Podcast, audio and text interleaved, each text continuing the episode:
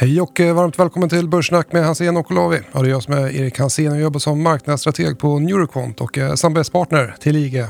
Och jag heter Jonas Olavi, är allokeringschef och fondförvaltare på Alpcot och sitter i några spännande styrelser. Nordic Asia Investment Group som jag ser fram emot lite stordåd här under det här året. Jag hoppas att det är tigerns år för kinesiska aktier. Jag sitter också med i Traction som eh, har haft en eh, portfölj som har mått väldigt bra i det här klimatet. Det är ju alltid kul. Och så sitter jag också med i Rydgruppen. Fullt upp. Fullt upp. Fullt upp, ja. som det ska. Haft en bra vecka, lite gladare och börsen återhämtat sig lite grann sen förra veckan. Ner idag men Absolut. Ja, men det har ju varit lite roligare att mm. logga in på uh, depån faktiskt den här, uh, de här dagarna än vad det varit uh, senaste månaden. Ja, ja, verkligen. Uh, och uh, Börssnack, det är då en podd från uh, tradingmäklaren IG. Uh, och så stort tack till IG som erbjuder en bra tjänst och en massa bra content, utbildning. Mm. Mm. Jag tycker att man ska gå in och kolla på webbinar. Man ska följa IG på Youtube och på sociala medier, Instagram och Twitter och Facebook. Mm. Så att gå in på IG.com för att öppna ett konto där om man inte redan har det. Glöm inte att all handel innebär såklart risk. Så att det gäller att läsa på ordentligt. Och vad har vi på, på dagens agenda då? Ja, vi kommer att prata om uh, den här tvärvändningen på börsen. Uh, kommer den uh, hålla eller inte? Det har varit rapportperiod masse och lite mm. grann några bolagsobservationer därifrån. Jag har precis skrivit en strategirapport som jag efter mycket vånda blev klar med i helgen. Så nej, nu sätter jag ner foten och det känns som den strategin är rätt. Tänkte dra lite kort om det då. Men du har med dig några intressanta spaningar också. Ja, men lite rapportreaktioner. Jag kommer att prata lite grann om eh, tillväxtdata. En hel del inköpschefsindex som kommit in här under veckan. Eh, och också lite några punkter, faktorer som talar för börsuppgång och några för börsnedgång. Jag kommer gå igenom dem.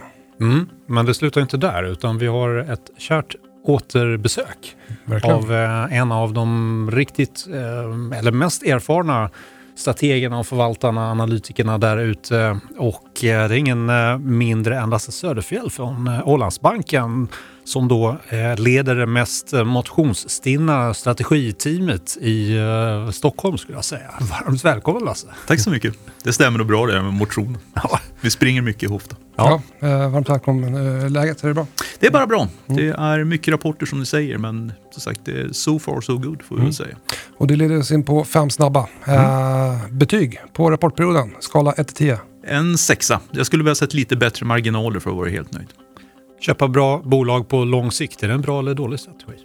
Om du väger in värdering så är det en bra strategi, men inte utan att titta på värdering. Mm. Mm. Uh, finverkstad eller fulverkstad? Fortfarande lite fördel för fulverkstan skulle jag säga. Jag tror att det finns mer potential i dem än i, i de här riktigt högkvalitativa bolagen. Mm, någonting som vi kommer återkomma till. Mm. Relativa värderingar, bu eller bä? Bä. Mm. Det lärde jag mig 1999-2000. Eh, tioårsräntan i USA, eh, jag tror att den är högre eller lägre om 12 månader? Högre. Högre. Value. Ja, det är, jag, jag tror på en fortsatt value-rotation. Ja. Det är grunden. Då kör vi. Då kör vi.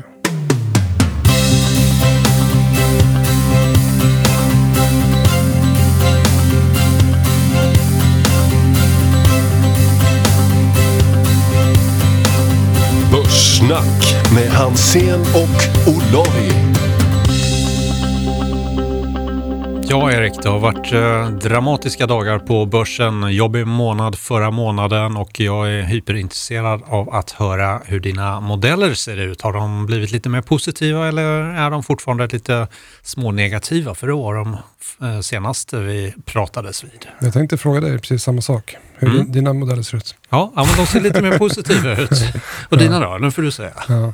Nej, men vi har fått den här upprekylan. Uh, om man kollar på, på min uh, cykelmodell uh, som också finns där i det här chartpaketet så följde det under januari, en svag utveckling under januari. Uh, sen har vi fått en liten återhämtning här under början av februari. Eh, men det som oroar mig lite grann nu då, eh, på, på kort, kort sikt, eh, det är att jag kollar på implicit volatilitet. Vi hade premium förut, det vill säga att den förväntade volatiliteten var högre än den realiserade. Så att marknaden var orolig. Det var många som hade köpt skydd, skyddat sina portföljer mot nedgångar. Och då är det lätt för marknaden att studsa uppåt. Och nu har vi fått den här uppstudsen. Eh, nu är det liksom den enkla eh, resan gjord för, för börsen här så att, eh, nu blir det lite grann upp till bevis. Jag tror att det finns lite mer på, på nedsidan på kort sikt här under början av februari innan vi eventuellt kan fortsätta uppåt. Mm. så det är min huvudkarta men jag fortsätter att studera den datan som kommer in. I veckan så har vi fått en hel del inköpschefsindex. Vi har sysselsättningsstatistik från USA på fredag. Mm. Eh, ISM-siffran från USA där som såklart är superviktig, den föll tillbaka i januari. Eh, inköpschefsindex för Sverige eh, steg faktiskt. Ja, det gjorde det. Vi ser en liten diskrepans mellan USA och Europa. Mm, och bland europeiska länder också. Ja, ja. Så det är intressant. Men det beror mycket på nedstängningar och sådär. När har det kommit in och, påverkat? Och framförallt då serviceindexet är ju det som är mest volatilt nu då. Mm, mm. Precis, det är det som påverkas mest av eh, pandemin eller sociala restriktioner. Industriproduktionen påverkas inte riktigt på samma sätt där. Exakt. Men eh, för just eh, Europa då, har ju då överraskat positivt medan USA har överraskat negativt senaste, ja, senaste månaden. Mm. Om man kollar på till exempel Economic Surprise Index från City. Mm. Och den här diskrepansen mellan USA och Europa, den talar då för att euron ska förstärkas lite grann. Om man ska täppa ihop det uh, gapet. Mm. Uh, och en starkt euro, eller att, då att dollarn faller tillbaka. Det är ändå någonting som är positivt för aktiemarknaden. Mm, absolut, sen ska det bli så också. ja, definitivt. Um, jag observerar bland annat sysselsättningssiffran ADP i USA kom in väldigt svagt, Verkligen. långt under marknadsförväntningar. Och det var ett eh, minustapp då, 300 000 då. Och man har ju tänkt sig en, en glatt positiv siffra. Så någon farm payroll nu på fredag när mm, podden är ute blir väldigt intressant. Så att, um, var, det med, var det omikron covid? Ja, det var det som de trodde var den stora förklaringen. Så det kommer ju också läsas in, tänker jag, i eh, någon form payroll. Så där har jag Tenbagger nu ett litet vad. Eh, jag tror på minus 150 000 mm. och siffra prognosen, i alla fall igår, var plus 150 000 och eh, Tenbagger tror på minus 400 000. Mm. Så vi får se då. Den som vinner blir bjuden på eh, lunch. Oh, spännande. Så att det är viktigt här nu. Men just uh, kring ADP, uh, eh, jag har sett att det, det, är många som då menar på att det, det är covid som ligger bakom den här stora nedgången. Men borde inte det i så fall legat in i förväntningarna?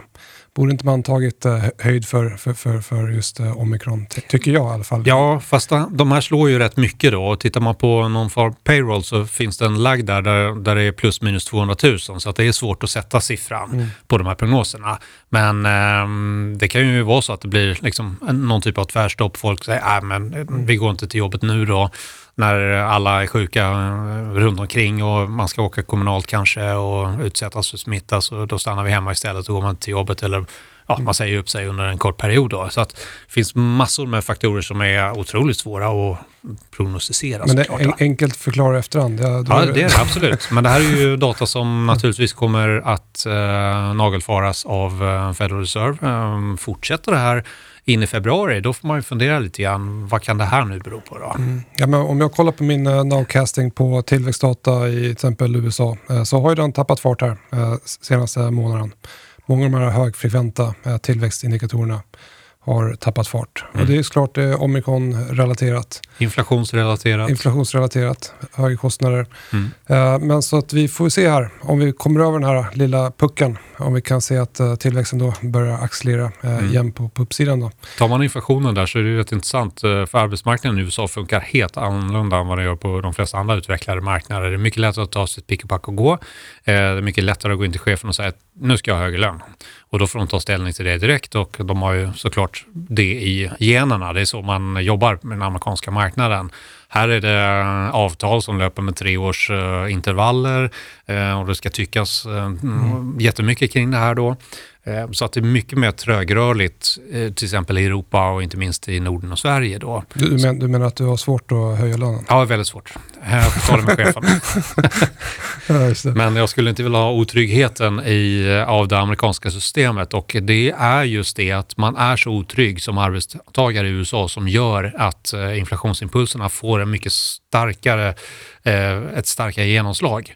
Ehm, bland, bland annat då i eh, lönesättningen. Så det är skillnad och man ska inte då förskräckas för mycket för att ja, man säger 7 eh, siffror eller kanske till och med ännu högre om, vi, om det nu blir så. Tittar man på månadsdata månad över månad så har det rullat över lite grann. År över år ser det fortfarande ganska starkt ut mm. men ser ut att kanske puckla till här nu då. Ja. Det kommer vara höga jämförelsesiffror i Q2. Mm. Eh, men under rapportperioden Eh, det har kommunicerats lite marginalpress eh, på grund av eh, kostnadsinflationen som vi pratar om. Men de säger ändå att det är en stark konjunktur ute. Mm. Ja, vi, vi, kommer såklart prata mer om rapporterna med, med Lasse. Mm. Men jag har med mig lite statistik här ja. kring just sure. rapportperioden. Så att, om man kollar på Stockholmsbörsens huvudlista så är det 51,5% som har slagit vinstförväntningarna på, på Stockholmsbörsen. Då. Där är lägre än Q3-rapporten och Q2-rapporterna. Uh, sen då rapportreaktioner. Uh, då är det 50% som har slagit, eller, eller det är 50% som har stigit på sin rapportdag. Det är faktiskt högre än Q3. Mm. Så trots att det är färre som, som har slagit vinstförväntningar så är det bättre rapportreaktioner. Anledningen kanske för att det är många aktier som varit lite nedpressade. Absolut, det är en bra observation. Det kommer precis i rätt fas här då. Verkligen. Och folk eh, tar det som ett eh, kvitto på att ja, men det ser ju ganska bra ut i alla fall. Och eh, jag tycker att rapportperioden har varit bra.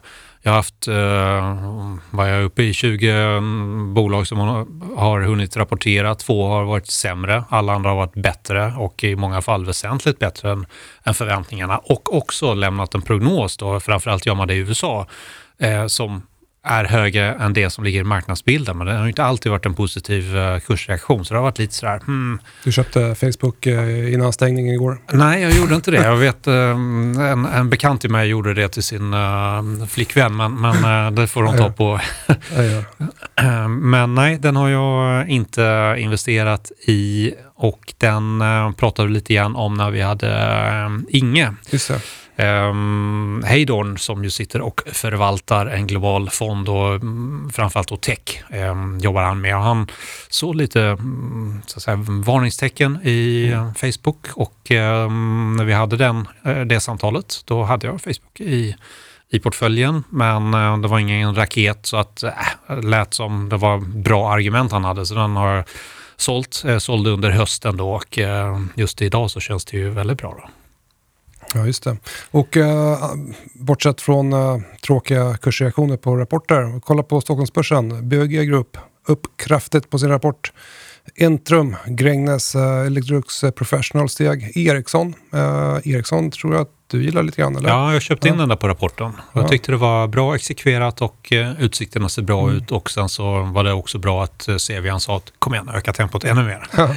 Eh, Dometic, eh, H&M också stigit eh, bra på sina rapporter. Getinge, Sirad, eh, Academedia, HMS Networks, eh, Stora Enso, eh, Hexagon Lifco också. Eh, på, på den negativa sidan så har vi Orexo, Nobia, SCT föll på sin rapport kraftigt. Swedbank, eh, många banker har reagerat ganska svagt där på sina rapporter. Jag tycker ändå rapportreaktioner är intressanta. Jag säger en del om hur marknaden tar emot rapporterna. Mm. Sätter domen, betyget. Eh, min åsikt är egentligen helt oviktig. Det är marknaden, oh, som, marknaden sätter, sätter betyget helt enkelt. Ja. Eh, men bolag som, som jag gillar här, det är Intrum. Intrum. Uh, mm. Stora Enso visar styrka. SSAB, SSABs rapportreaktion var dock inte att önska, men det är ett bolag som jag har i portföljen där. Så att, ja, vi får se här vad börsen tar vägen. Ja, just det, jag har med mig några positiva och negativa faktorer för aktiemarknaden. Yep. Jag kan dra dem lite snabbt här.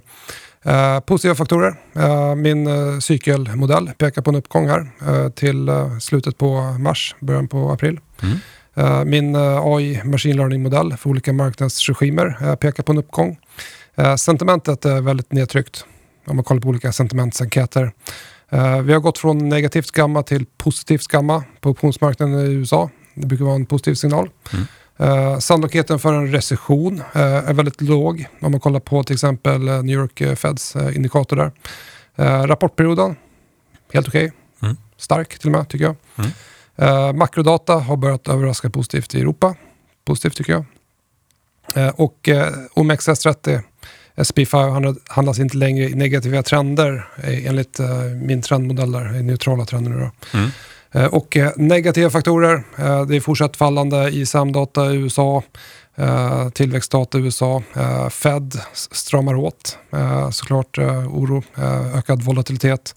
Vi har inte längre några implicita volatilitetspremium som vi hade för, för en vecka sedan, ger inte samma bränsle på, på kort sikt. Flackare räntekurva, vi har eh, en låg andel bolag som handlas ovanför 200 dagars glidande medvärde eh, en risk-on, risk-off-indikator som visar riskmiljön där ute är negativt territorium. Eh, Så det är både lite positiva och negativa signaler, eh, men om man ska summera det här så är jag väl lite mer eh, bullish då, än kanske bearish. Mm, det lät som det. Det var ju roligt. Eh, Du skulle börja jobba med aktier du. Ja, men, men på kort sikt så tror jag vi ska ner lite grann. Men eh, då köper vi på svaghet. Mm. Köp svaghet. Och i min portfölj då, bolag som jag lyfter fram som eh, intressanta för mig att investera mer i, det är AMD. kom med en kanonrapport, slog eh, på samtliga mätpunkter. Det är ju ett eh, halvledarbolag och eh, går från rekordvinst och försäljning 2021 till signifikant tillväxt. Hmm, vad innebär signifikant tillväxt? Det låter positivt. Ja, men det låter ju bra i alla fall. Eh, förhoppningsvis bra. Och jag tycker att eh, värderingen är inte tokhög heller. P26 i år har sjunkit till 23 och 19 och eh, det är på grund av att vinsterna taktar på rejält där. Och tittar man på Target Price så ligger det på 148, nästan 149 och aktien ligger en bit nedanför det. Så att eh, på analytikernas uppsidespotential så, så finns det mer att hämta där. Jag har också eh, med mig en bank och då valde jag schweiziska UBS som levererar riktigt bra eh, siffror. Vinsten 44% över förväntan och intäkterna 4% över. Höjer sitt eh, mål för kärnprimärkapitalavkastningen och vill också sänka KI-talet. Här ligger KI-talet betydligt högre än vad, till, vad det gör för svenska banker. Och eh, det ligger då på 75 till 78, det vill man sänka till 70 till 73 så att man verkar betala the bankers eh, där nere i Schweiz väl. Och gör också en utdelning och eh, vill återköpa ganska aggressivt. Och aktien fjädrar upp rejält på rapporten. Och sen eh, tredje bolag som jag också gärna ökar i det är Alphabet som eh, kom med en kalasrapport. Eh, och det här är ett gigantiskt företag. Och ändå slår man marknadens förväntningar och eh, tillväxt i alla ledder egentligen. Fantastiskt. Och de kommer då att genomföra en split 20 eh, mot 1 och den kommer då att ske 18 juli som X-dag där. Så att är man intresserad av att peta med den så måste man ha koll på X-dagen. Och där är information från Bloomberg så där måste man själv kolla upp då till exempel bolagets hemsida. Och eh, aktien svarade kraftigt upp på sin eh, rapport då. Så att eh, det har varit många starka bolag som har levererat bra då. Men det har varit brydesamt för mig att sätta strategin med tanke på att vi hade en väldigt volatil månad under januari. Mm. Men jag kom in i året med en övervikt och tänkte att de här trenderna kommer fortsätta. Eh, det gjorde det inte, utan det vände tvärt ner och eh, svenska börsen inte minst fick ju kanske mer stryk än många andra börser. Men jag behåller övervikten och jag är fortfarande eh, övervikt ländermässigt i Norden och USA och eh, då har jag undervikt i Japan och eh, emerging market i Europa är ju neutral. Jag hittar många spännande bolag där men jag vet inte om jag vill gradera upp marknaden där då. Och eh, jag gjorde också en liten förändring på emerging markets. Jag har varit maximalt underviktad i Latinamerika och eh, brassebörsen har gått eh, på här lite grann på en del goda grunder. Så att den stängde jag och har plockat upp den till bara undervikt. Och eh, ner föll Ryssland som jag hade som övervikt. Det är lite paria att handla Ryssland just nu, men det, förhoppningsvis så ordnar det upp sig vart det lider. Och sen gjorde jag en liten förändring på stilallokering. För på ett års sikt så har value gått bättre än momentum. Ehm, och jag har varit övervikt i, överviktad i momentum och undervikt i value. Och det, nu jag, är jag neutral, så jag har ingen stark uppfattning och det kan man ju också tyda på min portfölj. Där 50% av bolagen ungefär är valuebolag och 50% är mer tillväxtorienterade momentumbolag. Då. Ehm, så att eh, jag fortsätter med... Det finns ju, det finns ju eh, momentumbolag som är valuebolag också. Exakt. så det finns ingen sådär antingen eller, utan ibland kan det Mm. vara samma sak. Då. Ja, för jag kollar på i USA till exempel så i momentum etf så är det mycket banker. Absolut. Och tittar man som sagt på en UBS som har gått eh, urstarkt, det är ju ett valuebolag, Ja. men ehm, Ehm, det är ju inne i en, i en stark eh, återhämtningsfas nu efter pandemin och ja, äventyr som de har haft tidigare. Så det finns många intressanta bolag där. Och vill man läsa rapporten eh, så kan man eh, gå in på min hemsida, ehm, mitt bolags hemsida, albcott.se. Och bredvid min nunna där så ehm, är det bara att klicka på klicka här så laddas den här upp. Kostnadsfritt för alla att läsa. Eh, Så passa på med det. Men eh, jag tänkte att eh, vi vill ha lite eh, mer kött på benen och eh, jag tycker vi lyfter in Lasse igen. Det gör vi.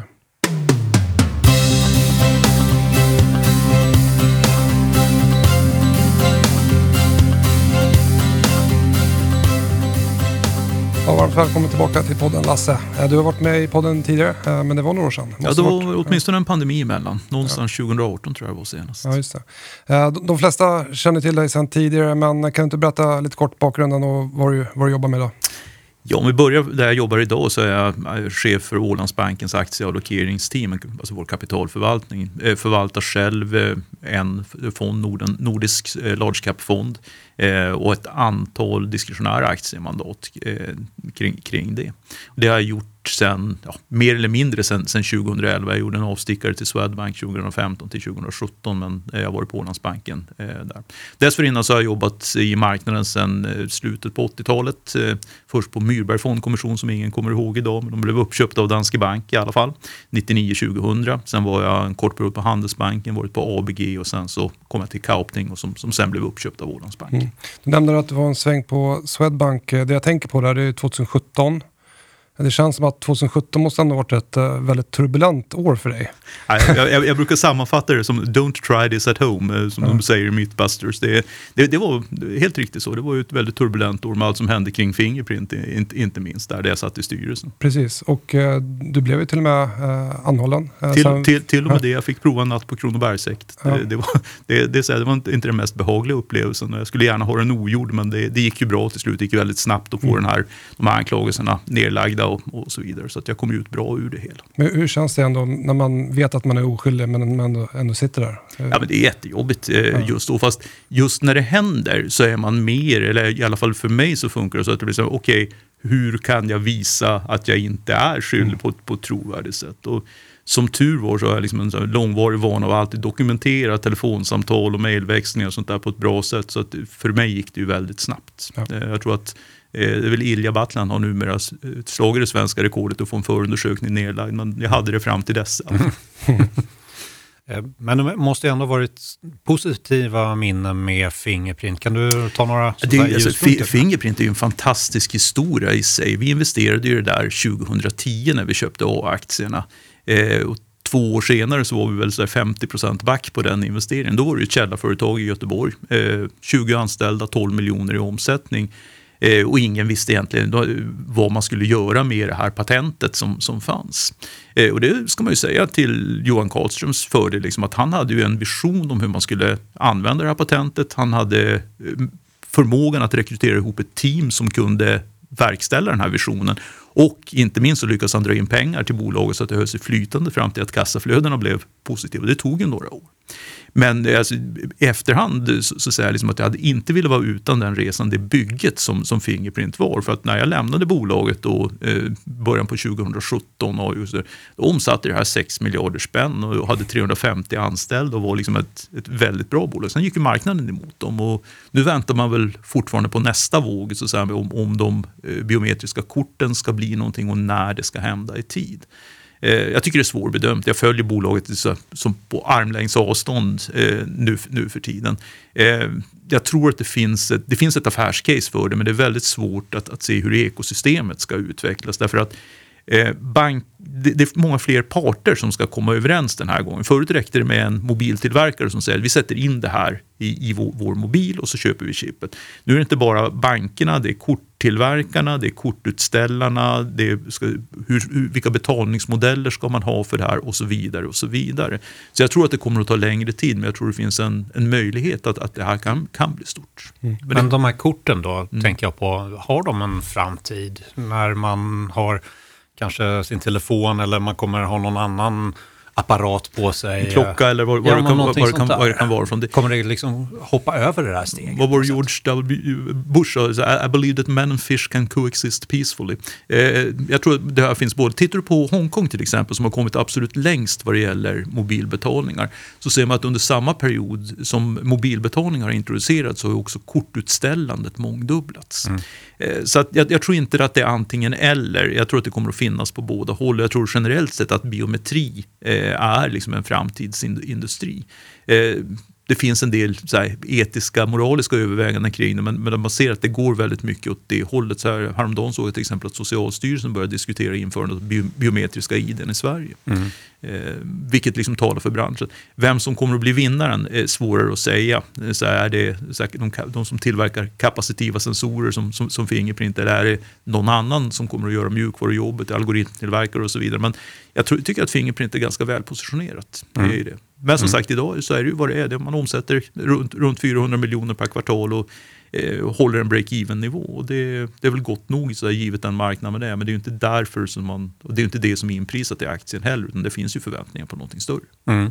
Jag har ju American Express till exempel i mm. min globalfond och där märks ingen avmattning på antalet kort utan det är fortfarande full, full fräs på kreditkorten. Så att, eh, mm. vi får få se vad det blir för standard framöver. Absolut.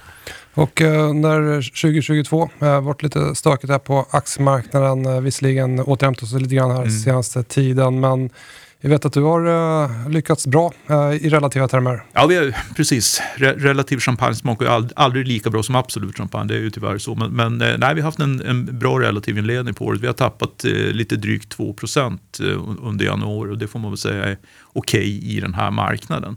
Eh, och tricket är ju egentligen att vi har ju inte aldrig ägt de här eh, riktigt så här, spektakulära värderingarna oavsett om det har varit Vitrolife eller om det har varit Nibe eller vad det var för någonting.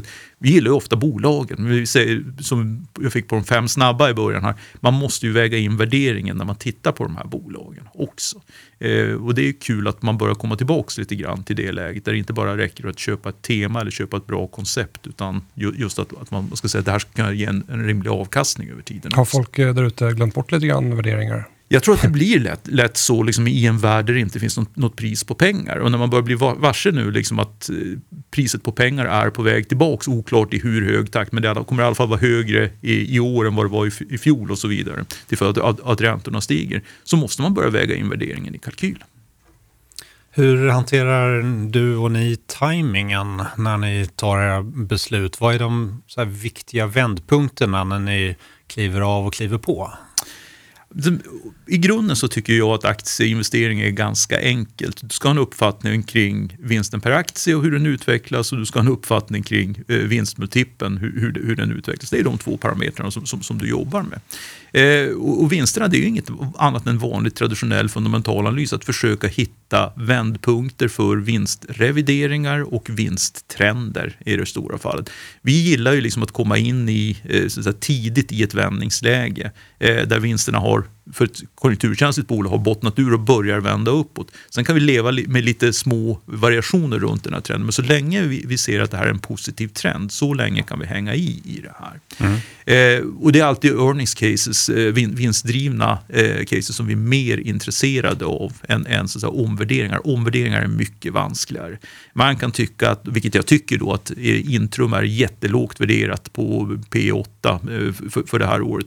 Jag tycker att de borde värderas till P12 håll. Men när den omvärderingen kommer och exakt vad som utlöser det, det brukar vara jättesvårt att förutse. Så det är enklare att betta på att vinsterna växer. Mm. Så vi, vi, är väldigt vinst och därmed väldigt så fundamental analysorienterade. Tittar mycket på makro, eh, förstås. Jag är duktiga makroekonomer i mitt team. Niklas Wellfelt och Uffe Torell som har bakgrund på Konjunkturinstitutet, Riksbanken kan identifi identifiera sådana här tidiga ledande indikatorer och, och skicka dem till mig och mitt team. Och vi försöker lägga in det i våra modeller så att vi hittar de här vändningspunkterna. Ibland så misslyckas man ju i alla fall med, med dem, så, men ofta så funkar det ganska bra. Mm. Vad är det som brukar vara ledande för eh, vinstrevidering eller vinstförväntningar om man kollar på börsen aggregerat? Ja, men vä väldigt mycket. Så vi tittar ganska, ganska mycket på eh, Citys eh, Economic Surprise Index faktiskt. Det, det är en väldigt bra tidig ledande indikator. Men sen har vi under det senaste året, eller senaste åren skulle jag säga, eh, börjat jobba mer och mer med, att, eh, med, med ännu mer högfrekventa indikatorer. Eh, rörelsedata, kreditkortsanvändning. Eh, ja, ni känner till de här bitarna. Eh, en del gör vi själva genom webbscraping, annat eh, tar vi in från, från leverantörer så, så, att vi ser det. Det har varit väldigt mycket nu kring hela covidan och så, och så vidare. har man suttit och tittat på de här smittvågorna. Det tycker jag att marknaden släppte kanske någonstans här i höstas redan. Jag förmådde inte hetsa upp mig över det här våg nummer fyra. Eh, men, men, däremot så finns det andra data och ser hur snabbt ekonomin plockar upp och vilka sektorer som rör sig. Ser vi ett skifte från eh, varor till tjänstekonsumtion till exempel, vilket jag tror kan vara ett av de steg som kommer un, under det här året. Eh, vi ser väl lite löst det, det i alla fall. Mm. Eh, ser ni tillräckligt med data i er egen bankrörelse? Jag tänker på kreditkort och... Nej. Det, gör, det gör, gör, vi inte. Vi är ju i grunden en placeringsbank, ska, ska man komma ihåg. Mm. Eh, kortverksamheten är väldigt, vår kortverksamhet är en väldigt liten del av, av totalen. Eh, och dessutom har vi inte riktigt de, eh, den öppenheten me mellan de delarna i banken. Att, att, vi, att vi kommer åt den. Eh, men vi tittar ju förstås på vad andra gör. Men Swedbank till exempel publicerar där nu, nu på regelbunden basis. Och det finns ju flera av de amerikanska aktörerna också som, som gör det på ännu mer frekvent mm. basis som man kan få ut. Mm. Uh, börsen den driftar uppåt över tid. Uh, uh, och jag tänker, hur är du som liksom, person? Är du oftast optimistisk till, till aktiemarknaden och när senast var du mer orolig eller defensiv? Jag, jag, jag, tror det är väldigt svårt att jobba i, i 30 år i marknaden om man inte, och aktiemarknaden om man inte är optimist. Liksom så här. Det är, men, så, grunden för... för, för, du, för du liksom, jobbar på en hedgefond kanske? Ja, men grunden för min optimism är ju egentligen det här, det här de riktigt stora grejen. Så varje morgon så kliver 10 miljarder människor upp runt jorden och säger idag ska jag nog försöka få det lite bättre för mig och min familj. Liksom, ja, men det är en ganska stark drivkraft i sig. Man, vi brukar kunna lösa problem. Eh, sen så, så, så, så, gäller det liksom att försöka hålla sig lite grann i schack. Liksom också att, se, att försöka identifiera riskerna. Man måste ju vara lite lätt paranoid eh, när man jobbar. Vad kan gå fel? Vad kan gå fel? Vad kan gå fel? Eh, men eh, generellt sett så, så, brukar ju bolag eh, och människor ha en förmåga att hantera problem. Eh, precis som vi hade eh, senaste exemplet pandemin. Det gick Eh, förvånansvärt. Att jag är överraskad själv över hur snabbt ekonomierna återhämtade sig och inte minst hur bra företagen var på att anpassa sig den här gången. Mm. Det var nog faktiskt eh, den stora överraskningen. Och tittar man på det så var jag var inte ensam om det. Man ser vad som hände med vinstprognoserna under fjolåret. Vi började, eller under 2020 och 2021, man började med att ta ner dem 20-25 procent. Och helt plötsligt när vi hade slutat året, så hade vi, eller i slutet på 2021, hade vi reviderat upp dem med 50 procent från de nivåerna. Mm. Mm. Det är nog den mest dramatiska omsvängning som, som jag har sett. För annars brukar det vara positivt i början på året, sen reviderar man neråt. Ja, det är det normala mönstret. Ja. Liksom att man, man börjar med något optimistiskt, alltså if anything can go wrong it will. Så det lägger man ju ofta in i sina antaganden, liksom att man kommer ner. Men nu blev det ju effekten åt andra hållet och det fick vi också i, i form av, av liksom en fantastisk börsuppgång i fjol. Jag brukar kalla mig själv för motvallsstrateg. Om det går dåligt så brukar jag fundera på vad kan vända det här? Vad är signalerna? Och likväl när det går bra så vid varje tidpunkt så byter jag ju ställningstagande. Okej, där kom botten, vad kan nu gå fel då? Känner du igen det i det? Jo, lite grann. Så jag, jag, brukar beskriva mig lite mer som åt, åt, åt contrarian-hållet. Det här måste vara en överreaktion, gå mm. emot, mm. uppåt och neråt. Och det, mm. Ibland så är det rätt, jag ska säga de senaste två åren har det faktiskt varit lite svårt att få avkastning. Vi klarade oss, i fjol så slog vi marknaden med någon procent i, i, i fonden. Men jag skulle säga att det var liksom målfoten, vi fick kämpa för, för, för dem där. Det var lättare att vara kons eh, med konsensus, att vara med trenden i fjol och köpa compounders och eh, köpa profitless tech och vad det nu råkar vara för någonting i, i början av året. Sen det var mot slutet av året som, som vi tjänade in fjolårets avkastning. Mm. När, när det liksom började komma tillbaka mer en mer så här, värdebaserad ansats i, hos, hos placeraren. Om vi eh, tar senaste månaden då och då sitter jag här som eh, rådgivare eller kund eh, i din bank. Förklara för mig hur det kändes och vad som har hänt under den här månaden. Ja, men väldigt enkelt eh, tycker jag. Realränteförväntningarna har gått upp dramatiskt efter att Federal Reserves protokoll kom ut och efter Fed-mötet. Eh, när, det finns en väldigt stark korrelation mellan real, realränteförväntningarna i USA och eh, hur value-aktier går i förhållande till tillväxtaktier. Eh, och vi var positionerade för att det här skulle hända. Det vill säga hade väldigt lite så här, tillväxtaktier med höga multiplar, väldigt mycket value-aktier med så här, relativt låga multiplar. Och det resulterade i att, att våra portföljer och våra fonder gick eh, rätt mycket bättre än index. Mm. Och eh, när du har en position som eh, går emot dig, hur eh, länge kan du eh, hålla kvar vid en förlorande position innan du känner att du behöver ta en stopp? om du frågar mina kollegor så säger de för länge. eh, nej, men så, det, det, vill ju till att, att jag ser att fundamenta har förändrats. Eh, för att ta ett exempel, en av mina största aktiva positioner just nu det är Intrum. Eh, den bör, köpte vi in under 2019 och så hade vi den här eh, pandemiskräcken under 2020 då aktien gick från 250 spänn ner till under 100-lappen en, en, en period. Eh, där höll jag i, därför att jag, jag, jag tror inte att det här kommer att påverka bolagets intjäning i någon större utsträckning. Ja, vi kommer att ha en störning i det här, eh, men de har så pass bra cashflow så det här kan de rida ut utan problem. Eh, vi ökar på positionen istället.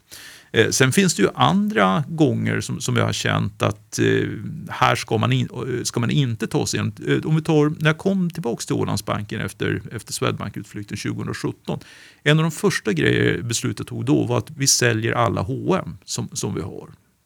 Eh, därför att vi såg att bolaget började tappa tillväxt eh, och vi såg att momentum eh, i, i earnings började komma ner. Alltså att inget faller snabbare än ett tillväxtbolag som går X-growth. Det här ska vi inte vara med Och när vi gick och pratade med bolaget så kunde de inte heller kommunicera vad de tänkte göra åt det hela.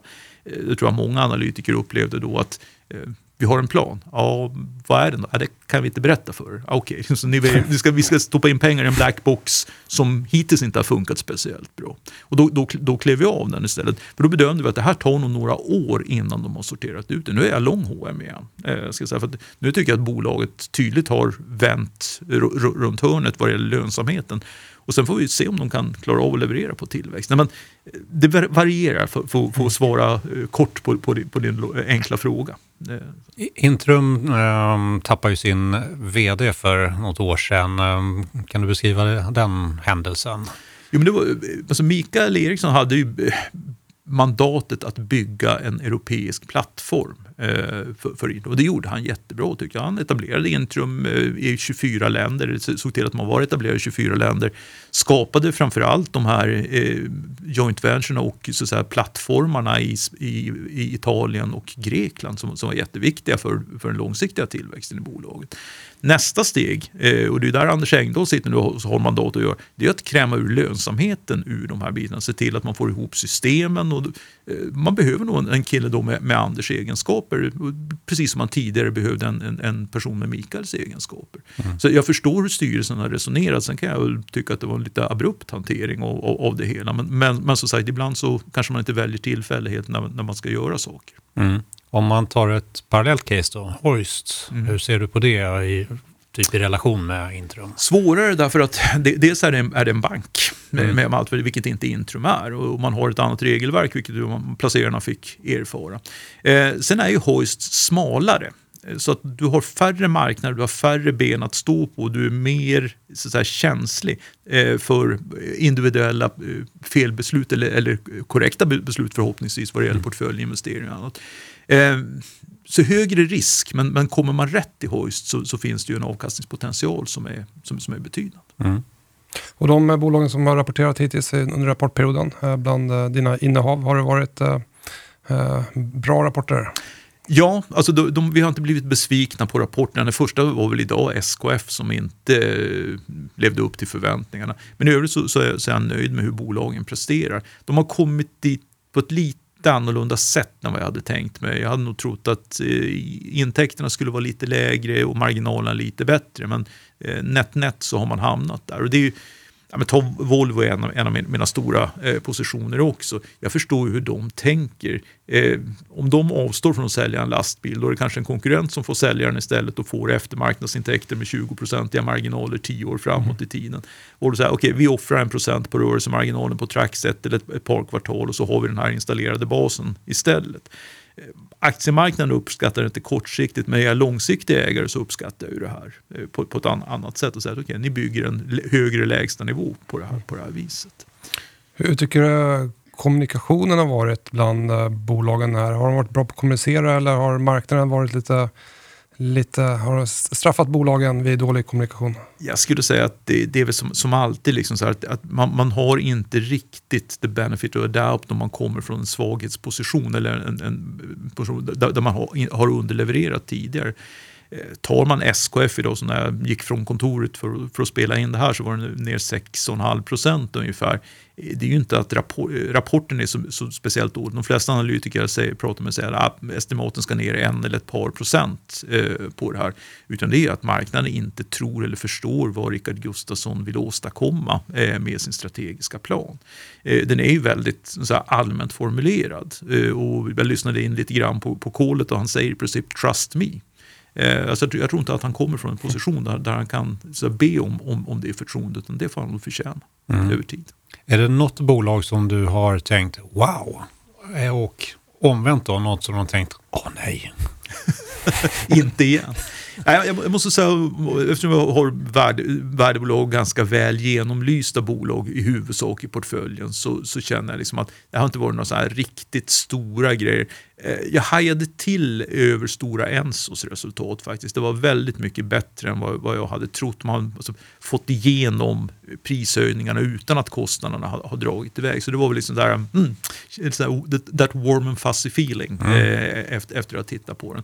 Eh, och så fram till idag så är det väl egentligen eh, SKF som, som har varit lite grann av en besvikelse. Jag hade nog hoppats på och trott efter de, den, de diskussioner man haft med bolaget under de senaste månaderna att de skulle kunna lyckas bättre med att kompensera sig för högre råvarupriser. Mm. Men det hade uppenbarligen inte gått. Nej. Och bankerna, eh, Swedbank handlas ner. Vad, vad, vad, sa de som inte riktigt marknaden gillar? Ja, men, eh, både så att säga, SEB, Nordea och Swedbank har ju handlats ner efter sina rapporter. Eh, och egentligen har det varit samma sak. Det har varit bra resultat, eh, hyfsad kvalitet i dem. Får säga. Det har inte varit så att det är inte tradingnettot som förklarar utan det har varit de här kärnposterna med räntenetto, provisionsnetto och bra kostnadskontroll som driver resultatet.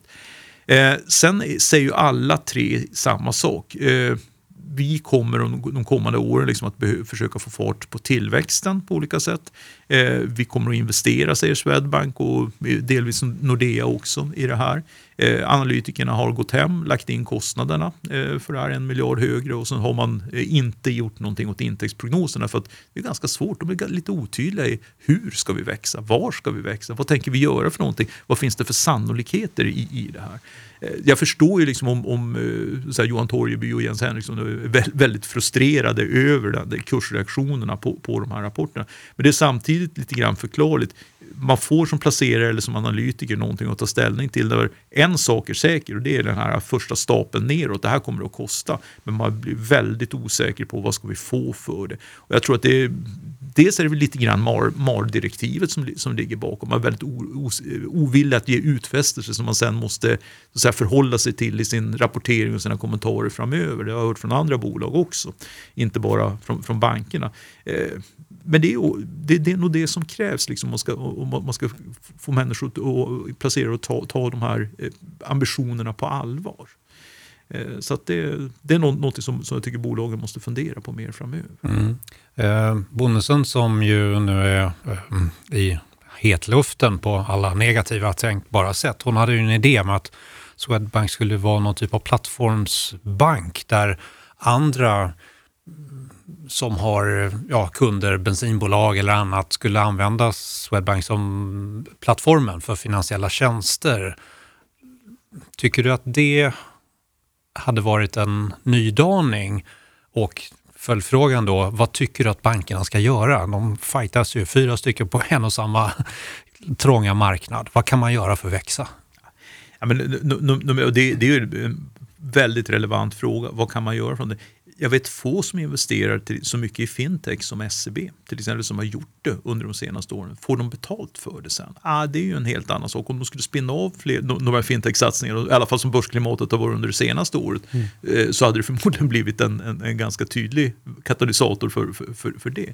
Mm. Eh, och jag vet som sagt, Swedbank har ju också gjort flera satsningar eh, kring, kring, kring där olika typer av samarbetsprojekt. Vi gör det också, vi har, vi har fem eller sex olika samarbete, samarbeten med olika fintechbolag, både vad gäller sparande och vad det, vad andra saker i det fallet. Eh, så jag tror att bankerna har ju den styrkan. Vi har liksom tillstånden, vi har kapitalbasen, vi har balansräkningarna. Eh, kan man knyta ihop det? Men det är svårt att göra det där så att det blir eh, någonting för alla. Tittar vi fem år framåt eller tio år framåt så tror jag att bankerna är vad de är. Det vill säga låneförmedlare, eh, betalningsförmedlare. Sen kommer de förhoppningsvis att utveckla affärsmodellerna för hur man tar betalt. Eh, för det måste också vara på ett sätt som är begripligt och acceptabelt för kunderna. Eh, och det är någonting som alla jobbar med. att när ränteläget är vad det är och man, det här känns lite så svårbegripligt varför en har en bolåneränta och någon har en annan. Eh, att flytta mer och mer över till fasta avgifter, provisioner och, och så vidare, vilket också är det blir mer förutsägbart för alla parter. Men man kommer aldrig ifrån liksom att råvaran är pengar och det finns ett pris på pengar. Mm. Och sen ska man ha en, en, marginal på det här på något, på något sätt. Mm. Men jag tror inte att bank, banksektorn har förändrats så mycket i sin natur, vad man gör för affär om, om fem år. Däremot så tror jag att digitaliseringen eh, kommer att förändra väldigt mycket. Och, eh, och faktiskt en, en, av de frågor som jag, som jag ställde till, till Jens Henriksson idag, vi hade ett möte med honom precis in, innan här, att idag så har man i princip en analog bank som är väldigt manuell i många avseenden. Och så har man en digital bank som man investerar i. Och när kommer så där tipping pointen? När, när kommer det här, när, när, nu kan vi köra och gå över till den digitala banken helt och hållet? Det är fråga ett. Och fråga två, vad gör du med de resurser som du frigör på den, i den analoga banken? Använder du dem för att bara ta ner din kostnadsbas eller använder du dem för att flytta dem till front office för att öka tillväxten, ta marknadsandelar förbättra din rådgivning. Alltså, vad gör du? Eh, och det där något, så, så att, han, kunde inte, han eller ville inte svara på det. Eh, så han kan säkert svara på, på, det, på det sättet. Men, så att, är det någonting när ni planerar, presenterar den här eh, strategiska planen som jag skulle vilja höra, det är just hur ni resonerar kring de termerna. För att, där skulle man kanske kunna se liksom vad intjäningspotentialen är. Idag är det ganska svårt att se hur Swedbank ska nå en avkastning på eget kapital på 15 procent. Man är på 13 idag. Det är 3 miljarder upp samtidigt som man säger att kapitalkravet på banken ökar. Eh, och då får man liksom eh, använda fantasin en hel del. Men det är kanske där som eh, nyckeln ligger. Mm. Från eh, bank till verkstad. Jag vet att du har ett index på finverkstad och uh, fulverkstad. Ett index som jag har replikerat. Ja, jo precis. Ja, men det, det, det, det, är ganska, ganska bra faktiskt. Du har ju sett det, det är ett mean reverting och det mm. rör sig mellan 1,2 och 1,7. Just nu så står det på 1,4 ungefär. Alltså mitt i intervallet. Men. Vilka bolag är det? Eh, på finverkstadssidan har jag A-bolagen, eh, Atlas, Assa, eh, eh, Alfa och sådana här E, Epiroc. I det fallet. Jag plockade ur ABB för den handlas inte riktigt på, prisas inte riktigt i Sverige. Mm. Eh, och på så kallad fulverkstad, så de är egentligen mer cykliska exponering, som, det, det är klatschigare att säga fulverkstad. Eh, där har du Sandvik, SKF, Trelle och Volvo. Eh, det fallet. Är det någon som har tagit illa upp? Eh, vi kan väl säga att eh, sådär fulverkstad, då, då, rynkar, när, då rynkar de lite grann på pannan om man sitter mm. i sändning med, med dem till exempel på, på DTV. Men så, nej, det är, de, de förstår att jag skojar med dem lite ja. grann. Det det. Om, om vi tar ett av dem i eh, ditt epitet fulverkstad Trelleborg då, mm. tänker jag på, så eh, förekommer ju spekulationer på att de ska sälja Wheel Systems mm. och det finns någon typ av prislapp i, i marknadens fantasi. Um, hur känner du kring bolaget nu? Har det här ökat risken? Att det blir inte den eh, prislappen, taggen, det kanske inte blir av ens? Eh, finns det risk i kursen nu då, så att säga? Eller jo. finns det mer uppsida kanske till och med? Ja, alltså, både och skulle jag säga. Dels så, så tror jag tror att det finns mer uppsida i kursen, mer för vad, vad du, vad du gör liksom i bolaget utanför Wheel Systems.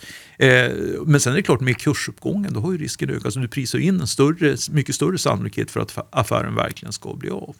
Eh, och sen får vi se lite, lite, lite grann. Eh, jag tycker nog att eh, även om Trelleborg behåller Wheel System så borde det finnas någon form av, indika, borde här buddiskussionerna ge någon form av indikation vad det här skulle kunna vara värt i alla fall. Jag tror inte den faller hela vägen tillbaks ner till där man, där man började om det skulle visa sig att det inte blir någonting av, av det här. Mm. Eh, men jag tycker det som är roligt med Trelleborg nu det är att för första gången på ett par år så verkar man börja fokusera på att växa och utveckla verksamheterna framåt igen. Det har varit ganska mycket krishantering får man ju säga. Man har hållit på med avvecklingen av ett antal enheter, inte minst och innan dess hade man problemen i de, många av de enheterna. Eh, och det gjorde till exempel att den fina utvecklingen Sealing Systems kom ju lite grann i, i, i skymundan av, mm. av, av, allt brus runt omkring det. Eh, ju mer man kan liksom förenkla och förädla desto, desto bättre tror jag.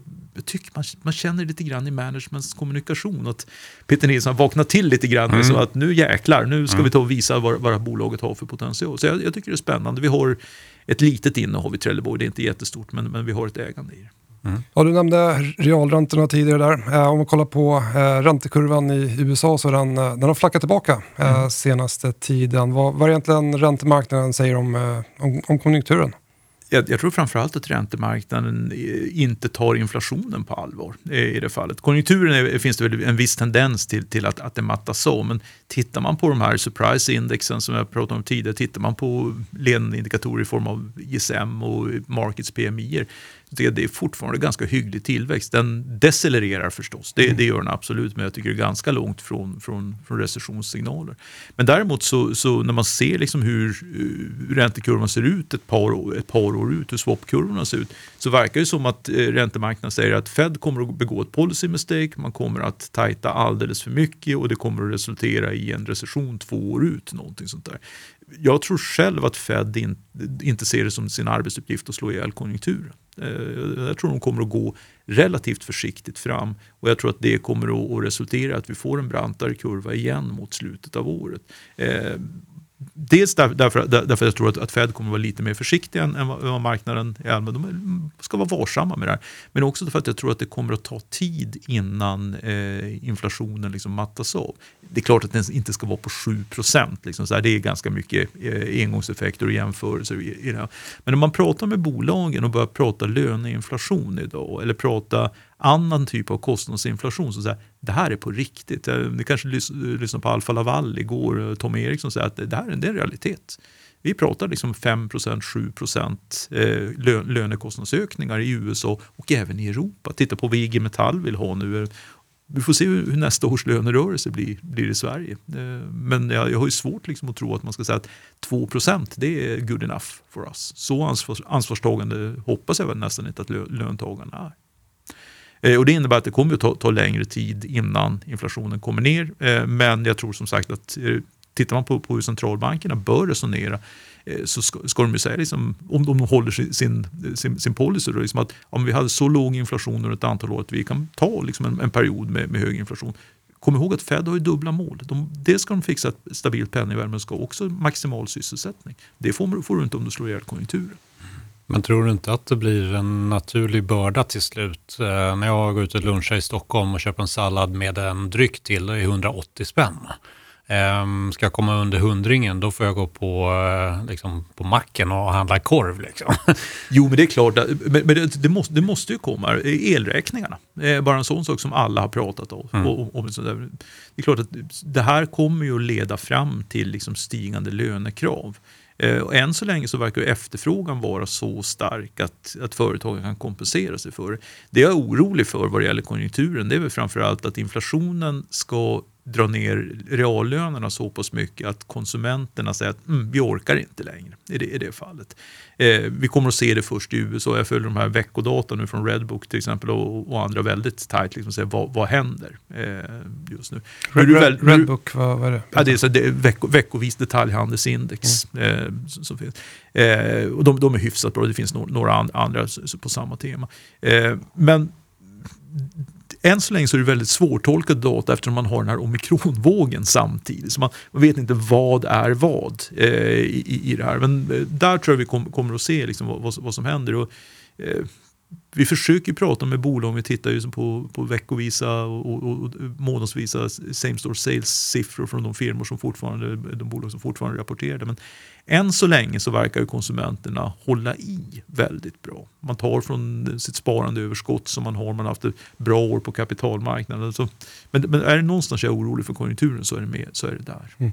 Eh, du, du, har ju varit med i väldigt många eh, cykler. Eh, om man då kollar på tidigare tillfällen när eh, tillväxten i absoluta siffror eh, har varit eh, hög, men att den faller, Mm. faller från höga nivåer. Vad, hur brukar börsen ta det? Ja, men det, det, det, som, jag säger, du, du kommer in vad, vad man kallar, kallar för man kan säga, stigande eller sjunkande inflation, stigande eller sjunkande, sjunkande tillväxt. Exakt. Om vi kombinerar ihop avtagande tillväxt och eh, hög inflation, då är vi, då, då är vi där, där, där vi är just nu. Eh, så brukar man ju ofta få en preferens då för eh, kvalitet och tillväxtbolag eh, i, i den miljön. Man får ofta ganska mycket volatilitet i marknaden, stämmer ju också bra. Och frågan är, och där tror jag vi är. Så här, frågan är, är, är var, vi kommer att röra oss nu.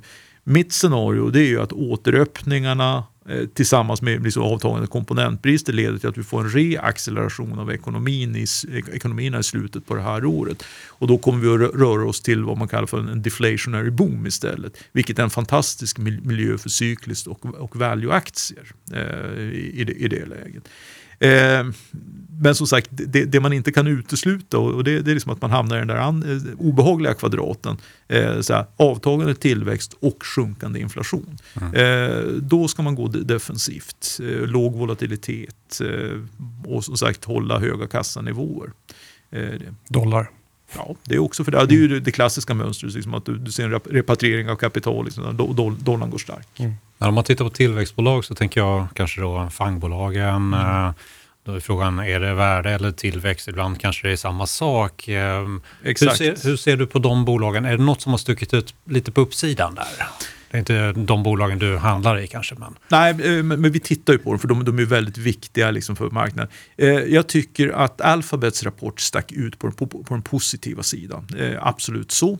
Eh, imponerande bolag eh, på, på alla vis. Vi har faktiskt en liten USA-exponering i vår, eh, våra mixfonder. Vi har direktägda aktier där till skillnad från många andra som kör fond i fond, så vi kör direktägt.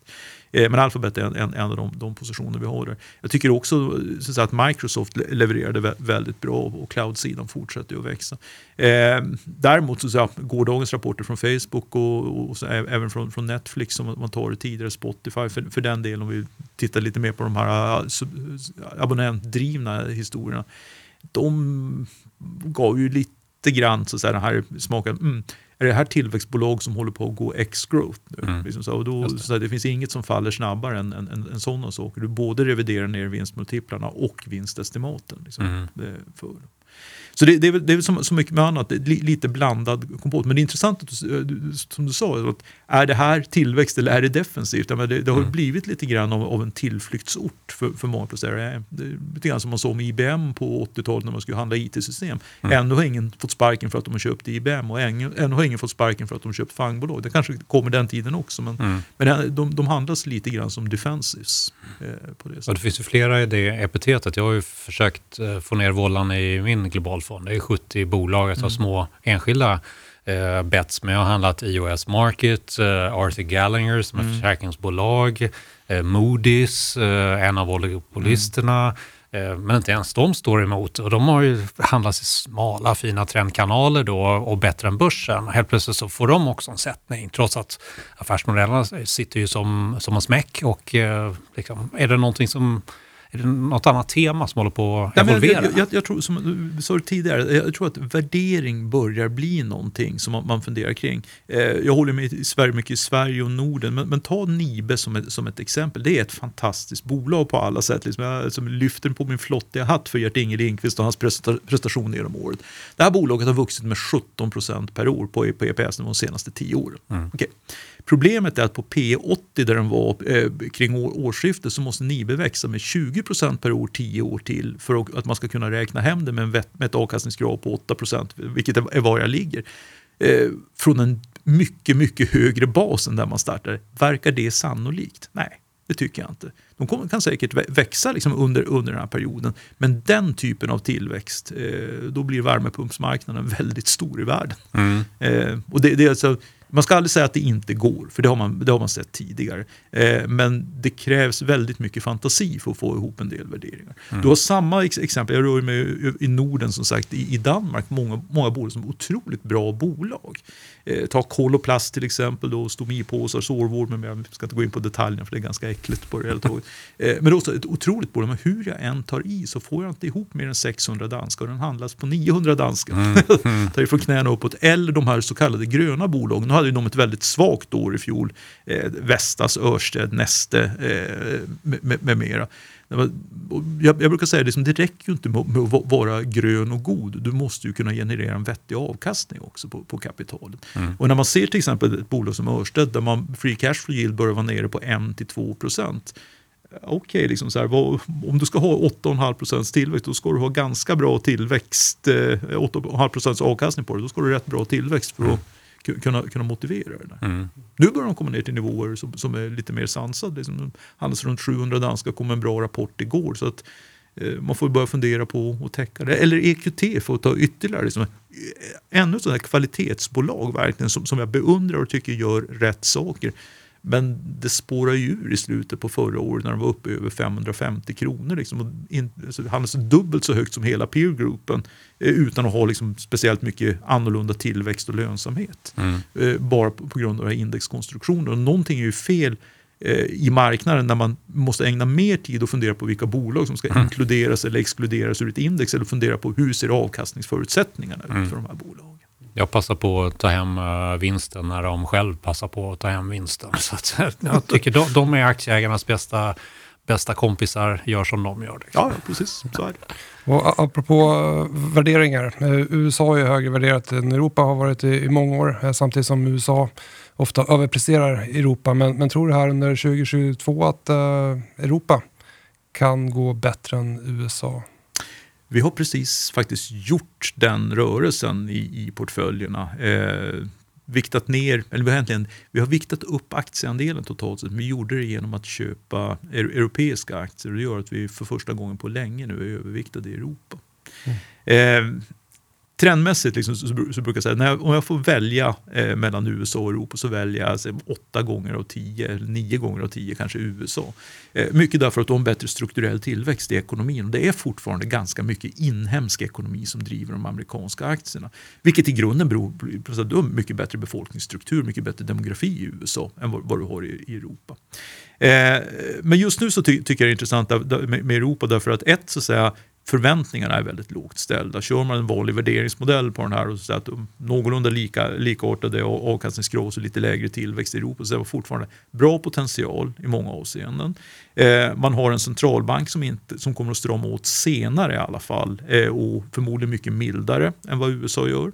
Eh, du har med mycket större svingfaktor tror jag från pandemin som man fortfarande underskattar lite grann. Vi stängde ju ner, inte riktigt som i Kina, men vi stängde ju ner betydligt hårdare i Europa än vad man gjorde i USA.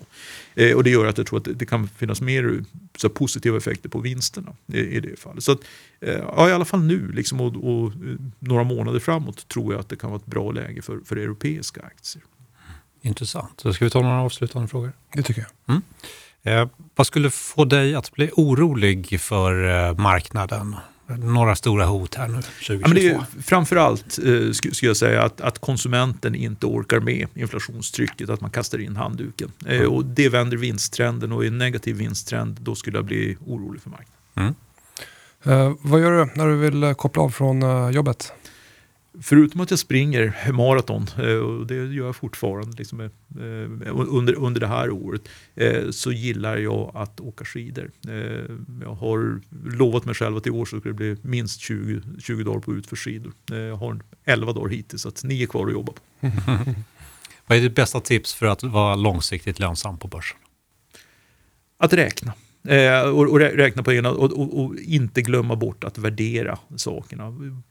Vad, vad vill du åstadkomma för, för avkastning eh, och kan det här bolaget göra det? Stort tack Stort tack. Tack ska ni ha. och lycka till.